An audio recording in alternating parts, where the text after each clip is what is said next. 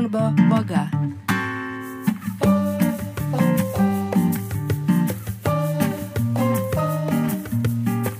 Sveiki malonus klausytojai, su jumis sveikinasi tinklalaidė Gero pokalbio vaga. Ir aš jos vedėja Laura Kešytė. Šiandien mūsų studijoje lektorius, terapeutas, retorikos ir sąmoningo kvepavimo mokytojas Donaldas Duškinas. Sveiki, Donaldai. Sveiki, sveiki visi, kurie mūsų, kurie mūsų klauso. Kaip tik mano rankose yra jūsų knyga Retorika, retoterapija. Ir aš gal pradėsiu nuo tezės, kurią perskaičiau jūsų įžangoje. Jūs rašote, kad rasti bendrą kalbą įmanoma su visais. Nors kartais tai gali atrodyti nerealu. Ar laikotės šiandien dar šios savo tezės? Mm, toks geras klausimas. Iš vienos pusės vienareikšmiškai laikausi, iš kitos pusės, na, neišvengiamai, kalbant apie dabartinį kontekstą, mes matom, kad su kai kuo ta kalba labai sunkiai randasi. Bet vis tik aš manau, kad rasti kalbą tikrai galima. Klausimas vėlgi, na, jeigu taip iš tos psichologinės pusės, kokius mygtukus reikia paspausti, mhm. kad atrasti tai, kaip vėlgi išgirsti, kaip kitas žmogus kalba, kad bent jau kažkurį laiką mes kalbėtum tą pačią kalbą. Perkeltinė prasme tą pačią kalbą, be abejo, tai yra ta Tai yra būtent ne, ne gramatiškai, bet būtent tavo žmogiška kalba, kad mes susišnekėtume. Vis tik aš manau, kad galima. Galima, bet kartais, kaip rodo dabar jau dabartinė situacija, tam reikia didelių pastangų. Retorika tai laisvų žmonių menas. Taip. Ir jūs savo knygoje padarote tokią įžangą, kiek metų yra šiam menui, kiek laiko retorika egzistuoja. Gal gali truputėlį ir mūsų skaitytojais įvesti į šį kontekstą? O, čia istoriškai, be jokios abejonės, na, aišku, kai atsirado žmogus, kai žmogus pradėjo palengva samoningėti, atsirado kalba ir suvokimas, kad tai, kad vėlgi, kaip sako, kaip ten senovės egiptiečiai sakė, kad žodis ištartas kvepuojant yra pati žmogaus esmė. Mm. Tai jau senasis Egiptas, senoji Kinė, Indija, vėlgi ten jau buvo tam tikros pirmos ištakos tai, ką mes galim dabar pavadinti retorika, tas iškalbos menas, kalbėjimo menas. Bet be abejo, tas jau suklestėjimas, tai natūralu, kad siejamas yra su antikinė Graikija, tai plus minus penktas amžius prieš mūsų erą. Tarp kitko, koks įdomus dalykas, tuo metu, kai baigėsi ilgai trukęs graikų persų karas, kaip reiškia taikos, taikos jau pirmieji daigai atrodyti, šviestis, tada atsirado poreikis susikalbėti. Iš tikrųjų, tada buvo visos atsirado prielaidos, susiformavo klėstėti retorikos menui. Kai žmonės suprato, jeigu tu nori gyventi taikoj, tu turi gebėti susikalbėti. Na ir, vat, ir taip, tas ratas ir pradėjo judėti į priekį. Kalbam apie tai, kad aukso amžių retorikos menas pasiekė antikos laikais, Taip. bet dabar mane pataisykit, Sokratas lyg ir nemėgo retorikos ir Platonas lyg ir įtariai žiūrėjo į sofistus, kurie mokė to įtaigaus kalbėjimo. Ar aš neklystu? Istoriškai taip, tačiau to labai, to jo labiau kitas dalykas, ką mes galim pasakyti tiek pas Platoną, tiek pas Sokratą, tai yra dialogo principas, tai gebėk susišnekėti, užduok gerą klausimą, vėlgi, savo geras klausimas, tai yra būdas atrasti atsakymą, tai iš tikrųjų, bet, bet kokie, gal jie tai vadino, ne, vadino kitais žodžiais, bet jau tai buvo būdas komunikuoti, būdas susikalbėti. Galbūt kitas terminas vadinosi, galbūt tai ne retorikė tą vadino, galbūt jie juokėsi iš sofisto, tačiau iš kitos pusės tai taip pat kalbėjo apie komunikaciją, kaip atrasti būdų, kaip komunikuoti su kitu žmogum tam, kad išlaisvinti jo potencialą, tam, kad vėlgi tam, kad surasti tavo tą, tą, tą atsakymą, kuris glūdi giliai mumise, tas buvo. Nes kitaip, nes vėlgi kalba, tačiau Freudas, kad kalba tai yra mūsų samoningumo įrodymas. Sokratas, Platonas būtent tai. Iki šiol mes skaitom jų kūrinius ir kas yra mes žavimės, kokie, koks tai yra minties, kokie viražai, kokie dialogai, kokie žodžiai naudojami tam, kad atrasti tiesą. Tas pats. Tik terminai galbūt kitokie. Galvoju apie tos terminus, nes kuo artėjam šių dienų a, kryptimi, tuo net ir tos pačios retorikos apibrėžimas sudėtingėja, ten ir tokie žodžiai kaip komunikacija atsiranda. Taip. Tai vad, kas jums atrodo retorika yra šiandien? Taip, tas žodis iš viso taip, jis, nu, jis yra pakankamai iki šiol mistifikuotas, naudojamas A. įvairiose kontekstuose. Aš sakyčiau, na, sau, savo mokymų dalyviams, savo studentams, savo konsultacijų dalyviams. Aš tokius penkis tokius apibrėžimus duodu, kas yra retorika šiais laikais. Pirmas dalykas tai yra komunikacijos su auditorija menas. Tai yra mes mokomės komunikuoti su auditorija. Gali būti vienas žmogus, gali būti tūkstantį žmonių, tas žmogus arba tie žmonės, kurie manęs klauso. Gali būti gyvai, gali būti nuotolinis, gali būti podkastas, ir tas žmogus ar žmonės, kurie manęs klauso. Mes mokomės komunikuoti, kaip atrasti kelią į auditorijos vėlgi suvokimą, širdis ir panašiai. Tai čia yra pirmas dalykas. Antras dalykas - retorika remiantis ir antikinė tradicija ir kiek manoma artėjant prie šių dienų labiau, tai yra, kaip sakau, įtaigaus, sąmoningo kalbėjimo menas. Iš tikrųjų, vėlgi, kai kalbi su kitu žmogum, tugi pagalvoji, ką pasakyti, kaip pasakyti, kad tave suprastų. Na, dažniausiai pagalvoji. Kad išgirstų. Kad išgirstų, kad suprastų, kad patikėtų, pasitikėtų ir panašiai. Tai va, jau turim du. Tai yra komunikacijos auditorija ir įtaigaus sąmoningo kalbėjimo menas. Toliau, labai jau šiuo metu populiarus tas terminas yra storytellingas arba istorijų pasakojimas. Mm -hmm. Tai vienareikšmiškai tai yra neatsiejama retorikos dalis, tai yra savo retorika, lygiai tai yra istorijų pasakojimo menas. Vat pristatyk savo, nežinau, savo žinutę, savo projektą, savo, savo sumanimą kaip istoriją, įvilk tą į istorijos rūbą, tai lygiai taip pat to moko retorika. Kas yra istorija? Tai yra, vėlgi, tai yra kiekviena istorija turi savo struktūrą. Pradžia, vidurys, pabaiga, retorika, klasika, mes turim klasikų, klasikinę Aristotelio struktūrą, kuris moko, kaip nuo ko pradėti, kad tave išgirstų, ką pasakyti vidury ir kaip pabaigti tavo kalbą, kad tas įspūdis liktų ilgam. Tai yra lygiai taip pat, tai yra istorijų pasakojimo menas, retorika. Turim jau tris. Ketvirtas pas mus yra, tai yra savęs pažinimo per kalbą menas. Mhm. Čia jau yra jūsų tema. Vienareikšmiškai taip, kiek žmogus daug apie save gali sužinoti, kai ruošiesi kalbai. O, tą žinau, to nežinau, čia reikia pasiruošti, čia nereikia ruoštis ir panašiai. Ir kitas, kiek tu daug apie save gali sužinoti, kai tu kalbi su auditorija kur tu esi stiprus, kur tau reikia tobulėti, ko tu bijai, kur tu esi drasus. Tai yra nuostabus savęs pažinimo būdas, būtent kalbant su auditorija. Vėl grįžtant į antikinę Graikiją, antikiniam graikam priklauso frazė kalbėk, kol save pažinsi. Mhm. Kaip įdomu, reiškia, mes mokomės, pavyzdžiui, medituoti, kvepuoti, vaikščioti sąmoningai, valgyti sąmoningai. Tai vadinam sąmoningais dalykais, viskas labai gražu, tai yra nuostabu, aš pats daug metų tą praktikuoju. Bet toks dalykas kaip kalbėjimo fenomenas, kaip dažnai būna, nu kalbi ir tiek, tai ko čia dabar, nu kas yra viskas. O tu pagalvok, kalbėk, nes kai tu žmogus kalbi, vėlgi tavo mintis susijusios, tavo žodžiai susijusios, susijęs su tavo mintimis. Kokie žodžiai, tokios mintis, kokios mintis, tokie žodžiai. Viskas susiję. Kalbėk, žmogau, kiek daug dalykų apie save gali sužinoti. Tuo jau turim keturis dalykus. Ir penktas, sakyčiau, kaip sako anglai, last but not least, tai ir tik vienas pagrindinių galbūt yra retorika yra laisvų žmonių menas. Mhm. Ir aišku, ypatingai šių dienų kontekste, va, ta laisvė, laisvas žmogus, tai nu, labai taip, nu, jau dramatiškai prasmingai skamba, tai yra ta vidinė laisvė, tai yra drąsa būti savim, drąsa mėgautis būnant savim, drąsa vėl kalbėti drąsiai, vėlgi išreikšti savo mintis, va tai yra. Nes kai žmogus laisvas iš vidaus, žodžiai liejasi laisvai, tada žmogaus norisi klausyti gerą klausyti. Taip yra nuomonių įvairovė. Bet tame yra laisvė, tame yra įvairovė, tame yra džiaugsmas, tai yra pasaulio visas gyvenimo grožis. Tai va, turim penkis apibrėžimus, va, klasikinės retorikos, ką galim pritaikyti šio laikiniam žmogui.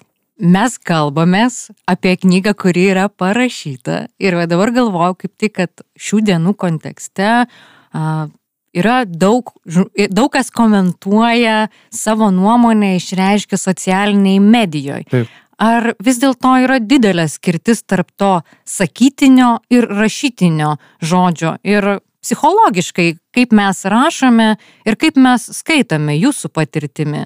Na, manau, mes visi puikiai žinome, kad dažnai a, socialinė medija atsirandantis įrašai, dažnai ne visada toli gražu, bet dažnai atsiranda tam tikro įtakoti tam tikro emocinio impulso. Ir žmogus, va, tu praktiškai nespėjai sąmoningai suvokti, suvirškinti. Taip, tai iš tikrųjų emocijos yra nuosavų, mes turim reikšti savo emocijas, tai turim ventiliuotis, nukanalizuoti savo emocijas, kad jos mūsų, kad mes jų neužspaustume, reikšmiškai taip. Tačiau jeigu tai emocinių pagrindų, kaip sako, nu, prisiminkim tokį dalyką, žinot, mūsų senolių išmintis, tai žodis žvirblių išlėkia, jaučiu sugrįžta. Ir aš būtent apie tą vidinę kalbą, tą vidinį vėlgi santyki, kartais, na, prieš galvodam, kalbėdamas tu kartais, nu, jungi tam tikrą samoningumą ir iš tikrųjų to reikia. Tai vad, tikrai čia labai sunku tą pakomentuoti, bet kai kurie iš tikrųjų, kai kurie socialiniai medijai, ką mes galime visi skaityti, kas yra iš vienos pusės suprantama, taip, emocijos, sunku, visi mes gyvename baisiai, baisiai emocijų audrą, iš kitos pusės kartais jauti, kad aš net nežinau, kas tai ar piktis, ar agresija, ar nusivylimas, ar nuovargis, bet tu matai vėlgi, kokia, kaip ta trauma palėtė mus visus. Tai aš sakyčiau, aš net nesiryšiau komentuoti, ar tai yra gerai, ar tai blogai, kas tai yra, bet tai supranti, kad nu, mes visi išgyvenam tikrai labai tokį šoko didelį, sunk, pilną streso šoko laiką. Tai yra, ir tas jaučia socialinė medija. Mhm. Pereisiu tada prie kito klausimo. Mhm. Jūs rašot, kad egzistuoja trys didžiosios baimės. Taip. Baimė numirti, baimė kalbėti viešai ir baimė numirti viešosios kalbos metu. Čia tokia anegdotinė mintis yra. Čia tokia taip, čia tokie, pažiūrėkime, tai su humoru, vėl humoras išgelbės pasaulį, kad iš tikrųjų tai yra tas taip. Tačiau iš vienos pusės, kaip ir humoras iš vienos pusės, iš kitos pusės, kalbant vis tik apie tą viešo kalbėjimo baimę, tai yra statistiškai įrodyta, kad te, nu, vidurkis apie 80 procentų pasaulio gyventojų jaučia tą baimę, tą diskomfortą, tą sunkiai valdomą jaudulį kalbant su auditorija. Tai kad netgi toj humoristinėje statistikoje, aišku, tiesos yra pakankamai nemažai. Mhm. O tai tada aš teisingai suprantu, kad jeigu mes norime pradėti kalbėti viešai, jeigu to nedarome dažnai, tai mums reikia ne tik galvoti apie tuos techninius kažkokius kalbos, pat, paties turinio, aišku, pateikimą, bet ir apie savo baimės, apie savo vidų, tokia savirefleksija turi įsijungti tam tikrą terapiją kažkokią tai. Tai kaip aš sakau, gera kalba, tai yra 50-50. 50 procentų yra technikos, metodikos, tai yra žinojimas tam tikrų žodžių, galbūt raktinių struktūrų ir panašiai, kaip gerą kalbą konstruoti. Tai čia yra 50 procentų. Kitas 50 procentų yra mūsų vidinė būsena. Tai yra kiek mes patys tikim to, ką kalbam, kiek mes tikim savim, kaip mes vertinam save ir savo auditoriją. Tai va tie du komponentai, tai yra techninis ir psichologinis. Tai reikšmiškai.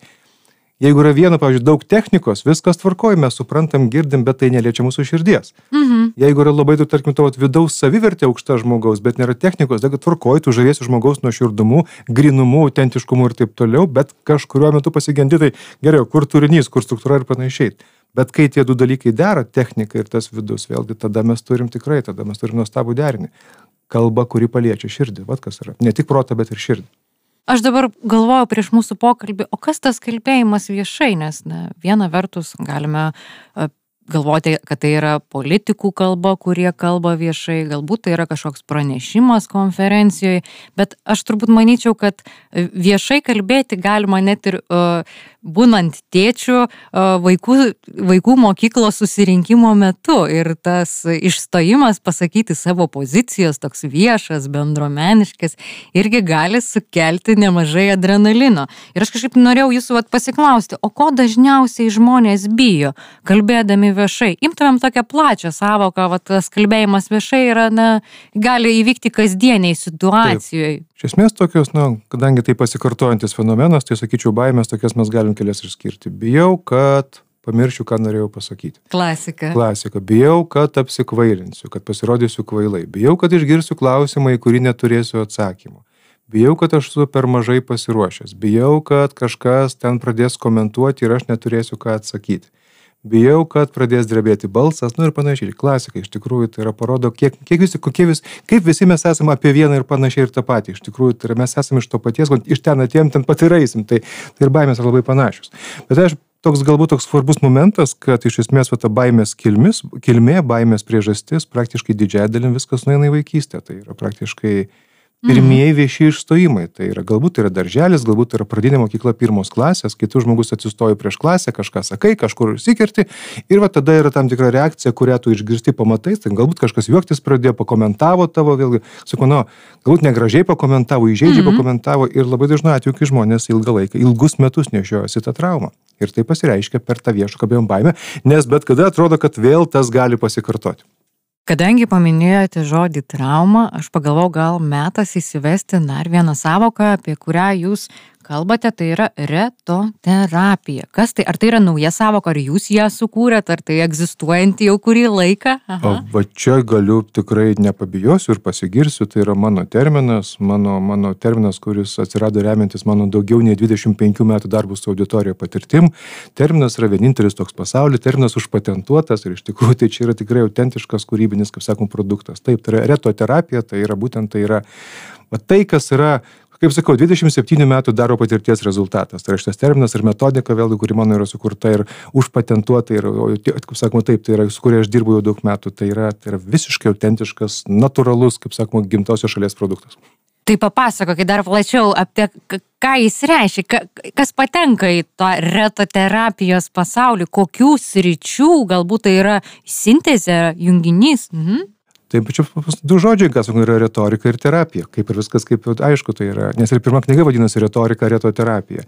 Ir jeigu aš sakau, kad retorika tai yra laisvų žmonių menas, tai iš esmės retoterapija yra būdas, metodika, kaip prie tos vidinės laisvės bent jau pradėti artėti. Tai yra apie tai kaip atrast savyje tą išlaisvintą didžiulį potencialą, savo autentiškumo potencialą, iškelt savo savivertę, kaip sakoma, na, pasitikėti daugiau savim, tai yra retoterapija apie tai, kaip kad suma sumarum atsistoti drąsiai prieš bet kokio dydžio auditoriją ir drąsiai reikšti savo mintis.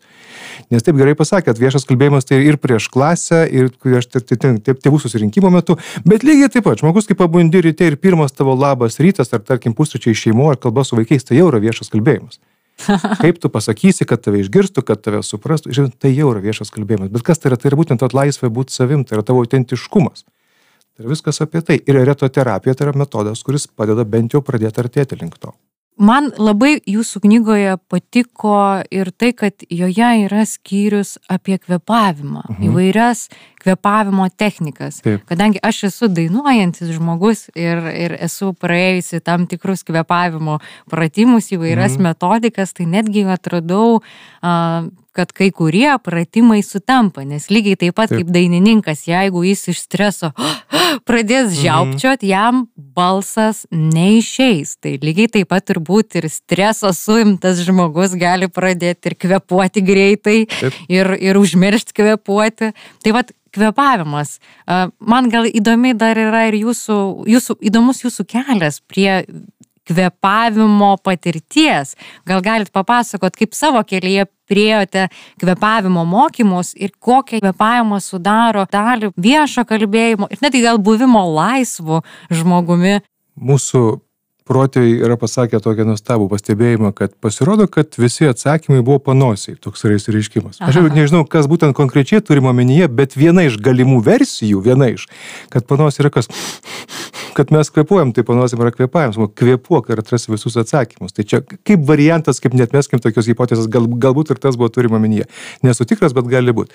Žiūrėkit, tai, kaip sakau, mano kelias tai labai paprastas, kaip jūs esate dainuojantis žmogus, tai aš esu, šiaip mano pirmas įsilavinimas yra dramos teatro aktorius, režisierius, natūralu, tai yra privaloma disciplina, yra vokalas. Taip. Ir be abejo, tik, tik scenos kalba lygiai taip pat, vėlgi tai yra kvepavimas, yra baziniai dalykai, mast, kaip sakau, privalomi dalykai tam, kad tu valdytum žodį, valdytum vėlgi e, auditoriją ir taip toliau. Tai jau nuo studentavimo laikų aš su tuo pradėjau savo pakankamai turiu didelį tokį sąlytį.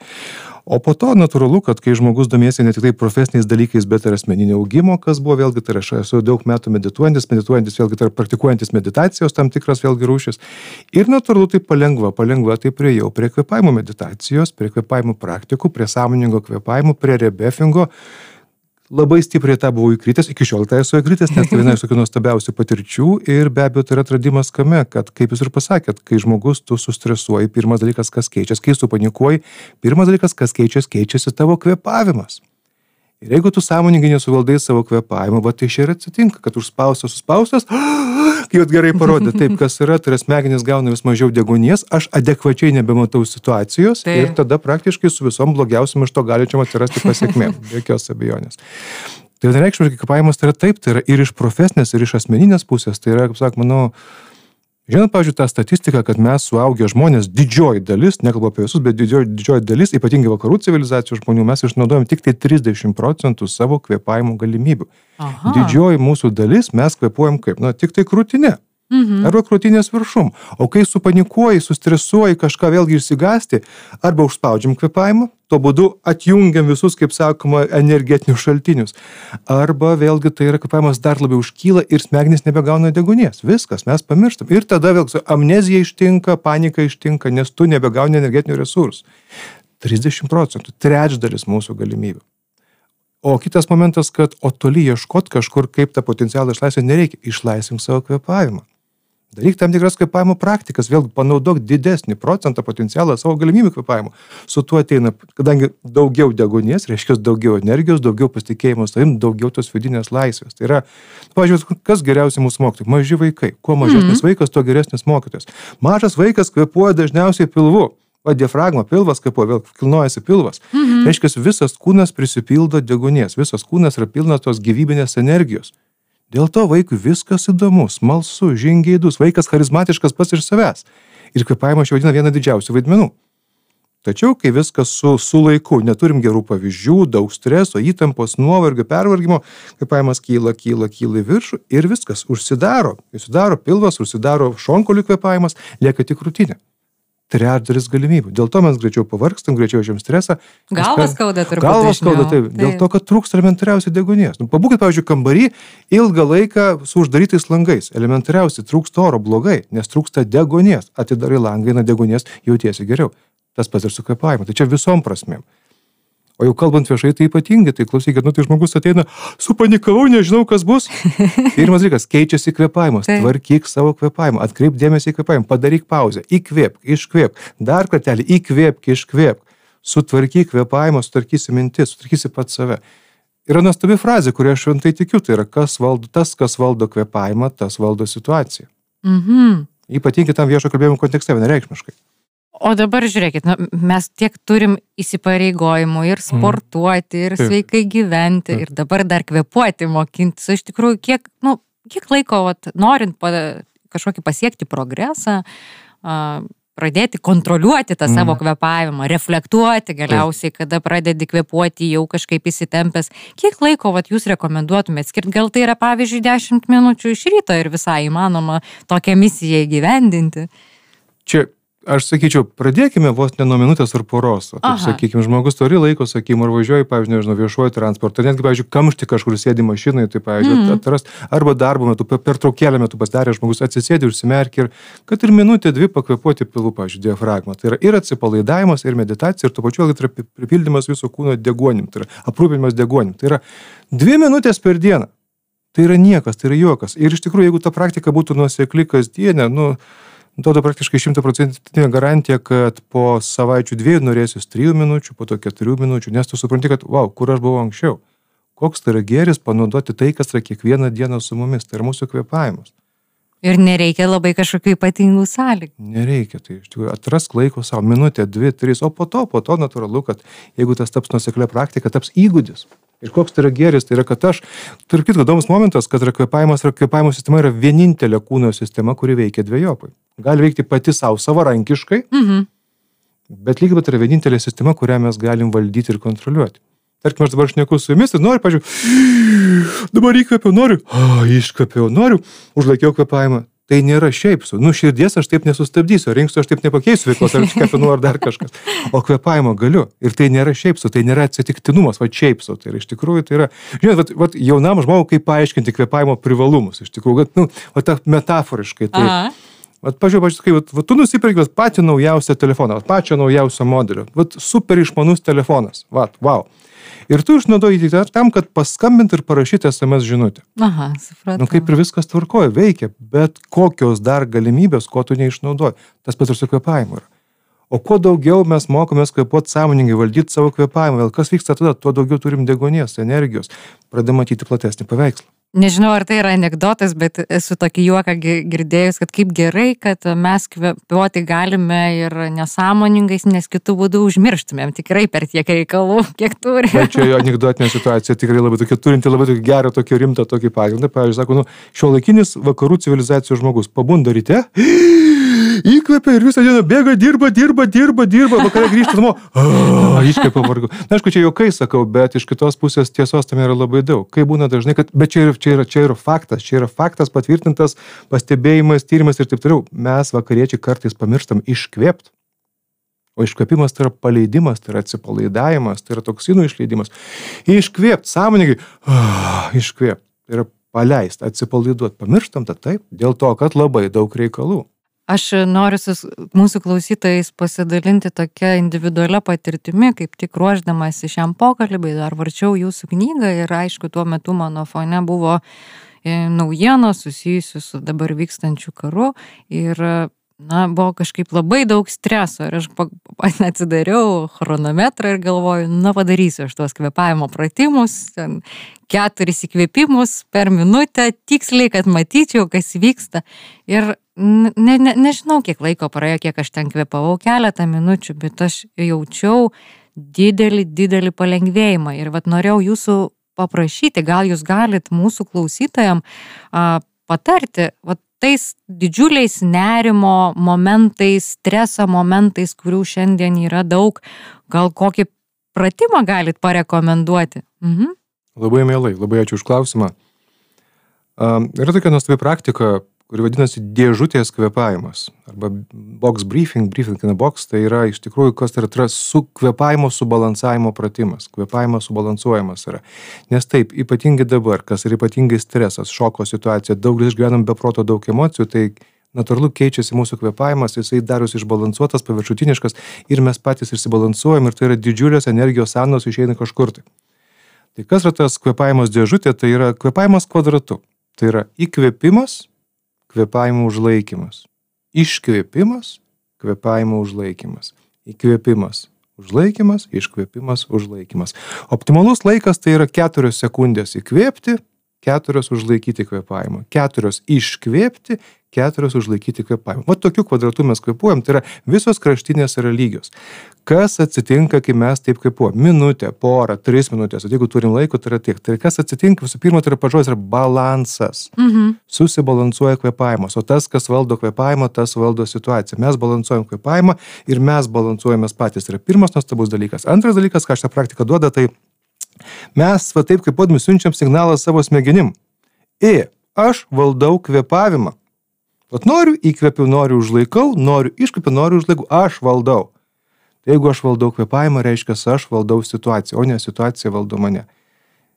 Tai yra nuostabus būdas, taip, ypatingai, kad jūs suvokiant, pavyzdžiui, taip, aš dabar nepakeisiu tų aplinkybių, kas vyksta, bet bent jau savo būsnę aš galiu pakeisti, o su tuo imtis tam tikrų vėlgi veiksmų. Tai vėl tai yra nuostabus būdas kvėpavimas dėžutė. Įkvėpimas, užlaikimas, iškvėpimas, užlaikimas. Nuostabi praktika. Tai šią praktiką aš ir bandžiau ir mm. kaip tik gal, norėčiau pasidalinti savo patirtimi, nes paradoksalu, aš pabandžiau su chronometru tai daryti, kaip minėjau, ir aš supratau, kad man yra sunkiausia iškvėpti aš atrodo per tą laiką kvepiu, kvepiu, kvepiu, iškvepinėju ir staiga jau reikia kaip ir nustot kvepuoti, bet dar man jie yra oro ir aš nespėju ir aš, žinokit, gal esu žmogus linkusi į peranalizuoti situaciją, mhm. tai aš bandžiau labai pareigingai viską daryti ir man sunkiausia buvo iškvėpti. Ar tas iškvėpimas ir yra, va, ką jūs minėjote, toks e, ypatingas dalykas, kur mes gal ir taip nelabai pripratę teisingai daryti.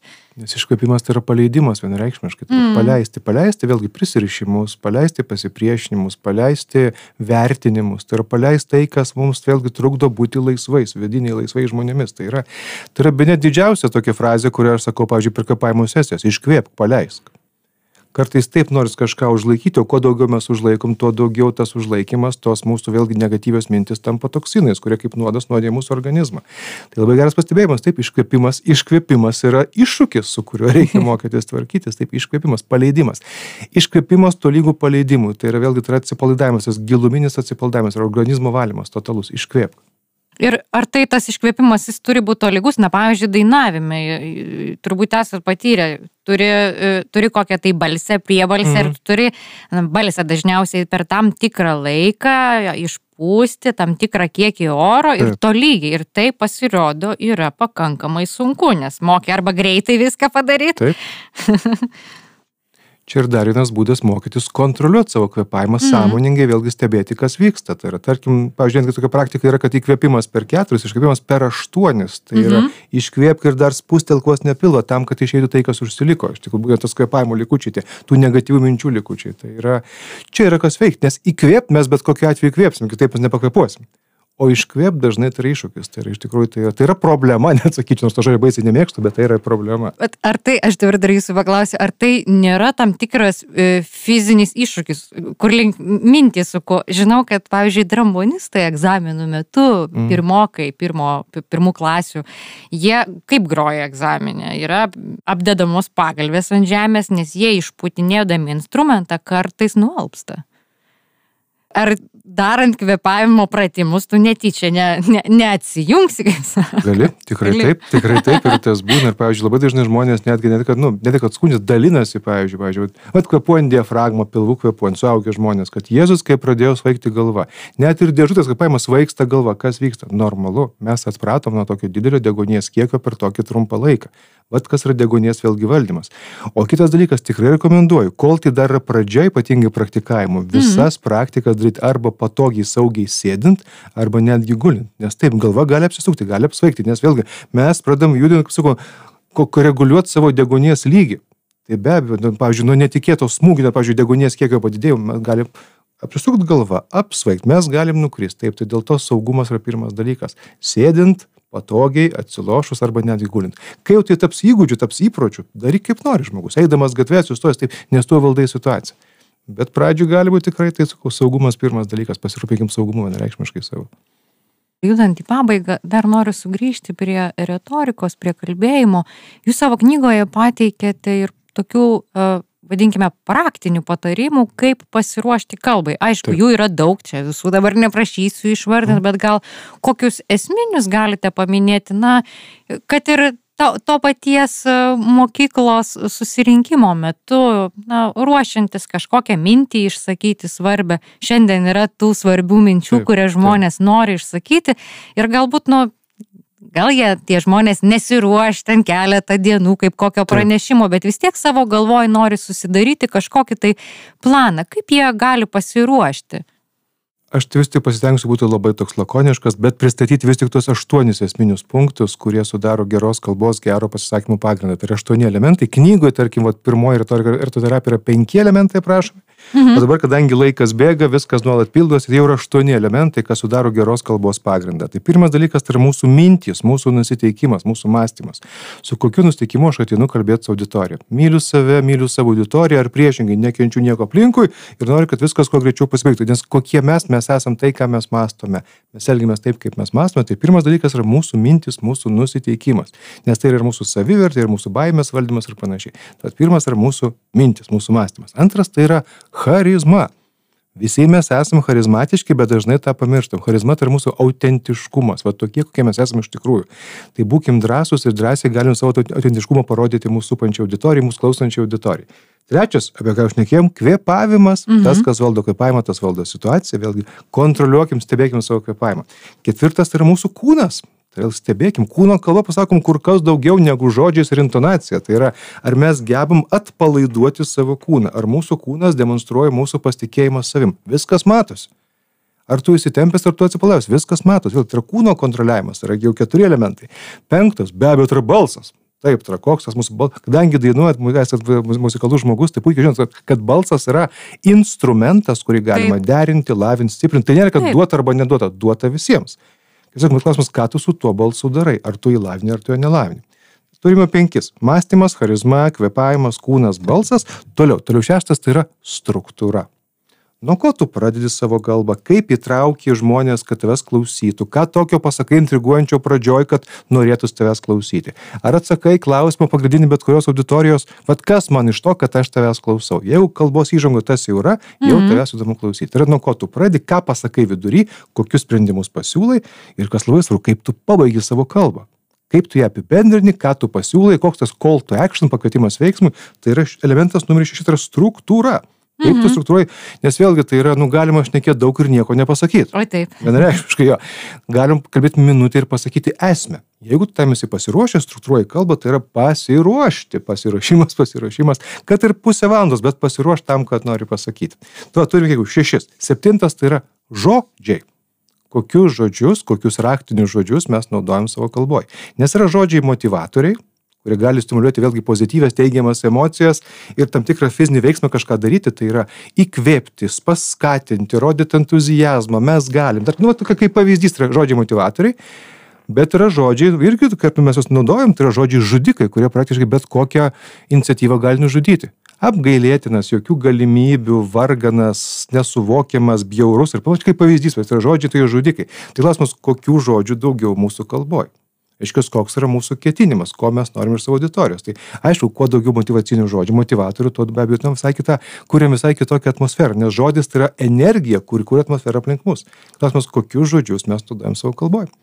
Turime jau septynis elementus ir aštuntas elementas - vertybės. Tai yra kokios mūsų vertybės. Ypatingai šiais laikais, va, tas va, vertybių to, totalus, manau, perkainavimas vyksta, tai yra kas iš tikrųjų yra svarbu, kas yra svarbiausia.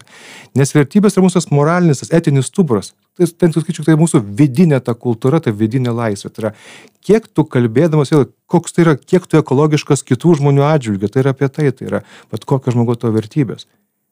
Ar tau gali skaudinti ir skriausti kitus, ar priešingai, vėlgi tu nori tam to bendro suvokimo, vėlgi bendros, nu, ramybės, taikos ir taip toliau. Kokios tavo vertybės? Vat. Mhm. Tai yra aštuoni elementai.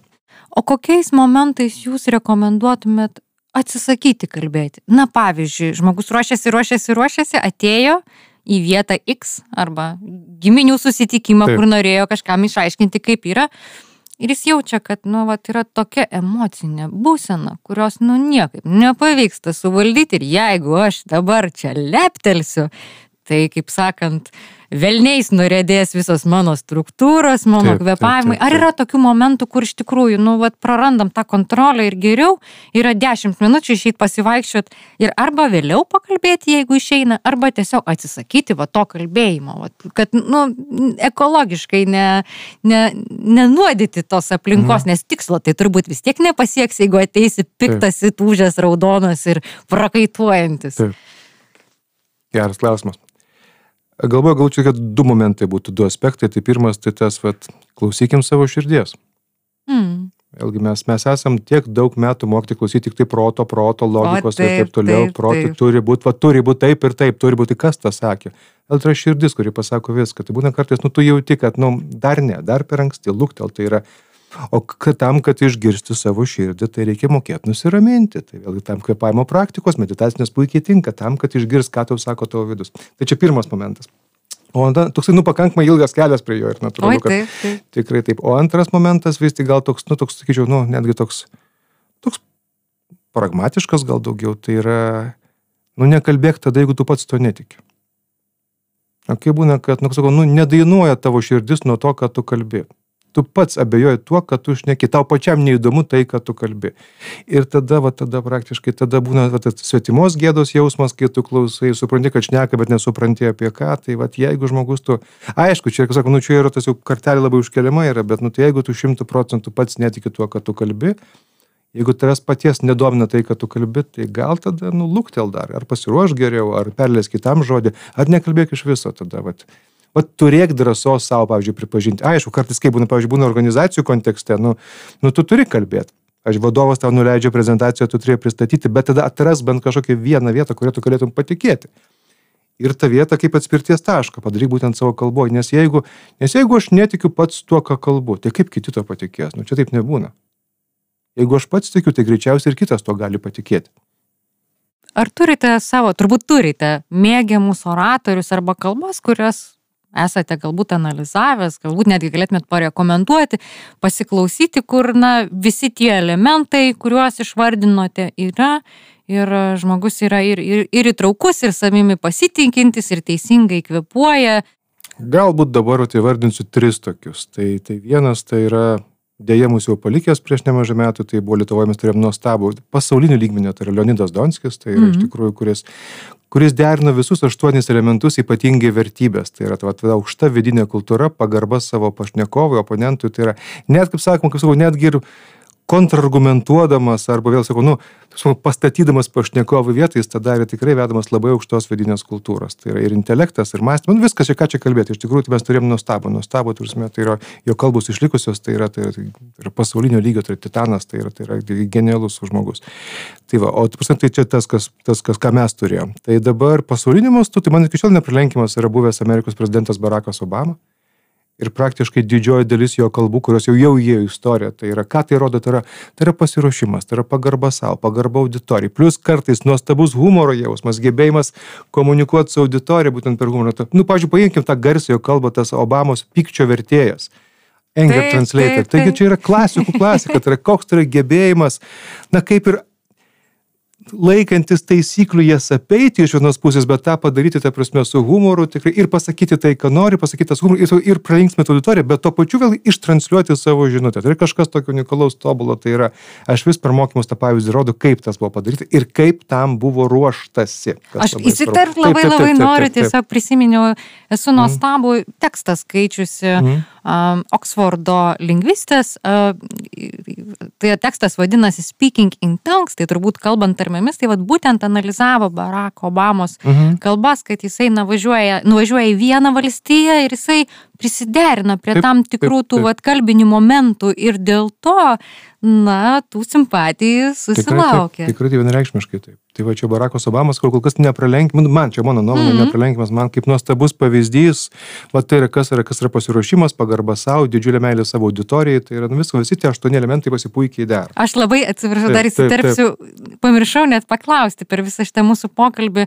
Man kažkaip Obamos kalba visą laiką susijusi ir su tom pauzėm. Mhm. Jis kažkaip taip tas pauzes padaro, kad atrodo, kad viskas pakimbo ore. Tai dar trumpai gal galit prieš tą trečią paminint, mm, dar užsiminti ir apie tą pauzių svarbą. Čia tokį ja, įterpsi labai, truputėlį. Ja, labai, labai ačiū už klausimą. Vienas kertinių svarbiausių momentų, kalbant su auditorija - pauzė. Kaip ir muzikoje. Kaip ir muzikoje, tikrai taip, sakau, suskamba viskas, suskamba pauzėje, lygiai taip pat ir tai yra kalboje, tai yra pauzė, nes ką padaro pauzė, pauzė tai yra, be abejo, leidžia šiek tiek su, sakau, su įsisavinti tai, kas buvo pasakyta, suvokti, kad ką tik išgirdom, bet iš kitos pusės pauzė atsitinka, tai yra, tai yra svarbus momentai, tai yra akcentai, tai yra suskamba taip, kaip vėlgi tai yra tas įsisamoninimas to, kas dabar vyksta, tai yra geras pranešėjas, geras oratorius, puikiai žino, kas yra pauzės jėga.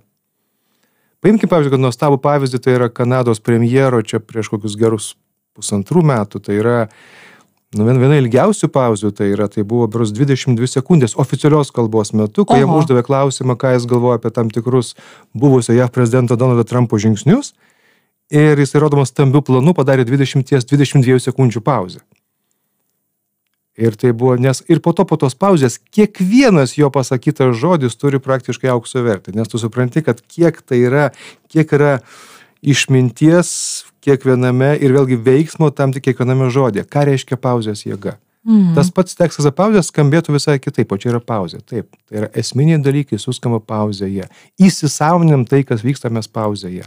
Tai va, sakau, čia ypatingai šiems šių laikų pranešėjams, ypatingai verslo pranešėjams, kurie labai skuba dar kažkas, nes nėra laiko. Tai, yra, jo, tai čia yra... Greita kalbė. Greita kalbė, nes nėra laiko, reikia vėlgi. Tai vėlgi tai yra, leiskim savo daryti pauzes. Tai yra, tai yra nuostabu, tai yra stipru. Plus mes patys šiek tiek pailsim pauzėje.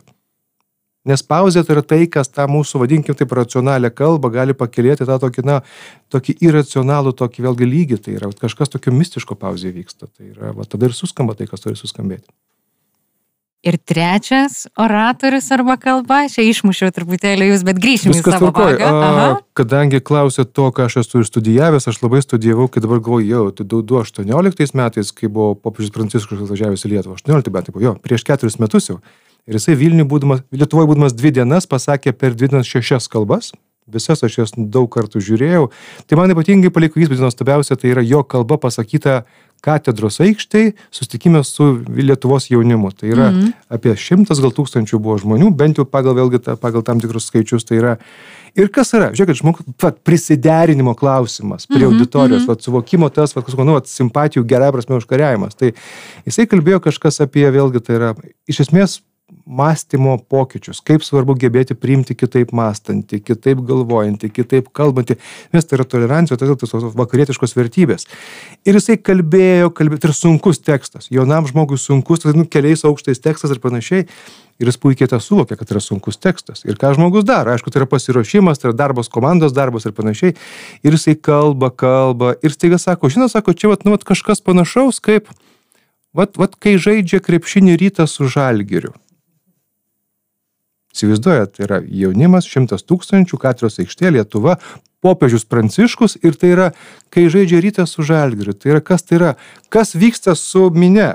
Minė pašėlo. Tai, tai, tai. Nes tai yra, o geras, tu žinai, aišku, visi puikiai, tai yra taip, tai yra žaidimas, tam tikras triukas, bet tai yra tas triukas puikiai sulošia. Nes kas yra, tai yra suvokimas, kad žmonės, man svarbus jūs, jūs svarbus man, mes kalbam tą pačią kalbą per tokį nuostabų pavyzdį, labai tokį gyvą, emocinį. Kas vyksta toliau? Minė, kaip sakoma, na, mane pašėlo, minės suošė ir panašiai, plojimo ovacijos ir taip toliau. Ir kai minė nutyla, ir jau popiežius pagavo, kad yra, kaip sakoma, yra kabliukas suveikė. Ir matyti tai, kai jis padarė toliau, matyti, jau nebuvo pagal scenarių, bet buvo čia pat improvizacija vietoj. Po pauzės jis sako, O tarp kitko, sako, man šiaip įdomu, tai vis tik kurie stipresni rytas ar žalgeris? Na, kaip pavyzdys, bet kas tai yra? Tai yra du sakiniai iš esmės, sakinys ir klausimas. Ir po to jis vėl kalba, kaip reikia vad gebėti priimti kitaip mąstantį. Bet mm jį mhm. girdi visai kitaip jo klauso visai kitaip. Reiškia, tas žmogus kalba mums apie mus, suprasdamas mūsų vėlgi aktualės. Va, va čia iš tikrųjų buvo, tai yra pasiruošimo prasme, vėlgi darbo su auditorija, komunikacijos auditorija prasme, tai viena tokia gražiausių ir geriausių kalbų.